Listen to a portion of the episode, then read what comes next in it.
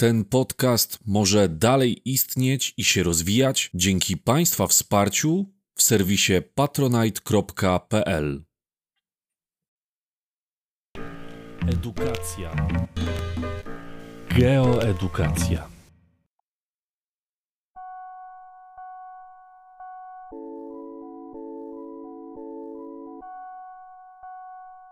Japonia symbol nowoczesnej gospodarki. Obecnie kojarzymy sobie Japonię jako jeden z najlepiej rozwiniętych gospodarczo i społecznie krajów na świecie. Jednak nie zawsze tak było. Japonia jest krajem wyspiarskim, położonym na kilku tysiącach wysp, a cztery największe z nich nazywają się Honshu, Hokkaido, Kyushu i Sikoku. Wszystkie te wyspy znajdują się na Oceanie Spokojnym, na wschód od Azji. Pomimo tego, że Japonia leży na szerokości geograficznej zbliżonej do Włoch, to jednak panuje tam nieco inny klimat. Jest tam po prostu chłodniej. Dodatkowo w części kraju występuje omawiana wcześniej cyrkulacja monsunowa. Ogromne znaczenie na rozwój społeczno-gospodarczy Japonii, zresztą tak jak każdego kraju na świecie, ma środowisko przyrodnicze, w którym się znajduje. Prześledźmy teraz kilka jego elementów. Pierwszym z nich będzie rzeźba terenu. Zdecydowana większość obszaru Japonii są to tereny górzyste oraz wyżynne. Takie ukształtowanie terenu będzie powodować, że mamy niekorzystne warunki do rozwoju rolnictwa oraz ograniczenia w budowie czy to przemysłu, dróg, czy rozwoju miast. Kolejnym elementem środowiska, który nie sprzyja rozwoju gospodarczemu Japonii, jest niewielka ilość surowców mineralnych, jakie tam występują. Będzie to oczywiście powodować, konieczność ich importu z innych krajów. Okej, okay, a więc wiemy, że Japonia ma kiepskie warunki do rozwoju rolnictwa ze względu na dużą liczbę terenów górzystych. Wiemy, że Japonia ma słabe warunki do rozwoju części przemysłu ze względu na niedobory surowców. To co w takim razie Japonia ma? No, na pewno ma trzęsienia ziemi ponieważ Japonia znajduje się w sąsiedztwie granic płyt litosfery, w pobliżu jej krawędzi, a więc będą tam występować trzęsienia ziemi, co niestety powoduje kolejne ograniczenia w rozwoju Japonii, bo przecież trzęsienia ziemi będą przynosić ogromne straty materialne. W wyniku podmorskich trzęsień ziemi powstają omawiane w poprzednim temacie fale tsunami, które również zagrażają Japonii. Ostatni taki kataklizm miał miejsce w 2011 roku, gdzie między innymi doszło do uszkodzenia elektrowni atomowej w Fukushimie. Na obszarze Japonii znajdują się także wulkany, zresztą przecież jednym z symboli tego kraju jest góra Fuji, która właśnie jest wulkanem. Na szczęście jednak nie dochodzi tutaj do potężnych erupcji wulkanicznych. Do tego wszystkiego musimy jeszcze dołożyć tajfuny, a więc potężne cyklony tropikalne, które w Stanach Zjednoczonych występują pod nazwą huraganów.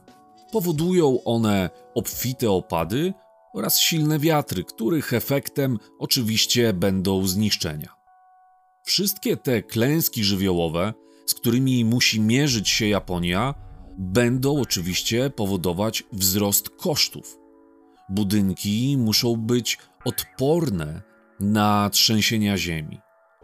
Ujściowe odcinki rzek muszą być przygotowane na możliwość nadejścia fali tsunami, podobnie zresztą jak całe wybrzeża. Pomimo występowania na obszarze Japonii niekorzystnych warunków środowiska przyrodniczego, Japonia jest trzecim na świecie krajem pod względem PKB. Jak do tego doszło? Do czasu rewolucji przemysłowej następował bardzo powolny rozwój. Decydowały o tym przede wszystkim słabe warunki do rozwoju rolnictwa.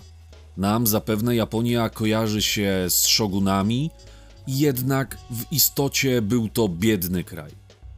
Również w XIX i XX wieku, kiedy na świecie miała miejsce rewolucja przemysłowa, a więc zaczął się gwałtowny rozwój przemysłu i to on właśnie się stał główną dziedziną gospodarki, Japonia wcale nie miała lepiej ze względu na wspomniany wcześniej brak surowców. Pomimo tego wszystkiego, Japonia, przystępując do II wojny światowej, dysponowała potężną flotą morską. Do terytorium Japonii w tamtym czasie zaliczał się także Półwysep Koreański czy Tajwan, a wojska japońskie okupowały Mandżurię, a więc dzisiejszą część Chin. Japonia, jak dobrze wiemy, przegrywa jednak II wojnę światową i to właśnie w drugiej połowie XX wieku następuje jej bardzo szybki rozwój. Przyczyny sukcesu Japonii możemy podzielić na dwie grupy. Do pierwszej z nich będą należeć przyczyny ekonomiczne. Stany Zjednoczone po pokonaniu Japonii zaoferowały pomoc finansową i rozpoczęły tam inwestować duże zasoby kapitału. Żołnierze amerykańscy okupowali terytorium Japonii do 1952 roku, a już w 1960 roku Japonia pod względem produktu krajowego brutto znalazła się na drugim miejscu na świecie. Tak szybki rozwój gospodarczy był możliwy dzięki zainwestowaniu dużej ilości pieniędzy w naukę oraz badania. Drugą grupą czynników, które zadecydowały o sukcesie gospodarczym Japonii, będą czynniki społeczno-kulturowe. Społeczeństwo japońskie posiada pewne charakterystyczne cechy charakteru, które są typowe dla krajów Dalekiego Wschodu. Będzie to dyscyplina, lojalność czy pracowitość. To także zaufanie i szacunek, zarówno pomiędzy pracodawcą i pracownikiem, ale także w relacjach domowych. Bardzo charakterystyczną cechą jest współpraca, którą w tamtej części świata ceni się o wiele bardziej niż indywidualizm jednostek, który jest bardziej typowy na zachodzie, a więc w naszej części świata. To, co od zawsze cechuje społeczeństwo japońskie, to też hierarchia. Społeczeństwo tego kraju było schierarchizowane już od dawna. Na samym szczycie znajdował się cesarz. Niższe piętro zajmowali szogunowie. Trochę niżej byli samuraje.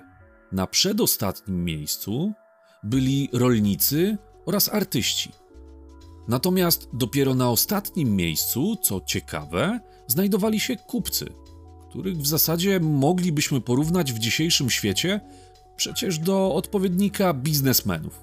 Kupców jednak uważano za osoby znajdujące się najniżej w hierarchii, ponieważ w przeciwieństwie do rolników czy artystów, niczego nie wytwarzali. Ta pracowitość społeczeństwa japońskiego z naszego europejskiego punktu widzenia wydaje się czymś mocno przesadzonym. W Japonii istnieją hotele kapsułowe w pobliżu miejsc pracy, dzięki którym nie trzeba przemieszczać się do domu i można wcześniej wrócić do pracy. Ktoś, kto jako pierwszy wychodzi z pracy, pomimo tego, że już minęły jego godziny pracy i w naszej części świata jak najbardziej nie powiedzielibyśmy o nim nic złego, że chce wrócić do domu, to tam jednak wyjście jako pierwszego z pracy postrzegane jest negatywnie. I dużo osób w pracy zostaje, nawet jeżeli nie mają nic do roboty, żeby pokazać, że zależy im na firmie. Skrajnym efektem tej pracowitości jest karoshi, a więc śmierć z przepracowania która wcale nie jest odbierana jako coś bardzo negatywnego. Obecnie gospodarka Japonii oparta jest na przemyśle nowych technologii. Powiedzieliśmy sobie, że surowce mineralne występują tutaj w niewielkich ilościach, w związku z tym Japonia musiała od samego początku nastawić się na przemysł przetwórczy, a nie wydobywczy. Pomimo początkowo ponoszonych kosztów, ostatecznie przyniosło to bardzo pozytywny efekt. Do najlepiej rozwiniętych gałęzi przemysłu w Japonii zaliczymy dzisiaj przemysł farmaceutyczny, optyczny czy elektroniczny. Także japońskie rolnictwo jest nowoczesne i stara się wykorzystywać dostępne technologie. Wspominaliśmy sobie wcześniej, że uprawa ryżu jest dosyć trudna do zmechanizowania, ponieważ ryż po prostu rośnie w wodzie, co powoduje, że ciężki sprzęt będzie tam miał naprawdę trudno. Co nie znaczy, że Japończycy i tutaj nie znaleźli rozwiązania. Pomimo jednak rozwoju rolnictwa, Japonia jest jednym z niewielu wysoko rozwiniętych krajów na świecie, który musi importować żywność, ponieważ własna produkcja nie zaspokaja potrzeb kraju.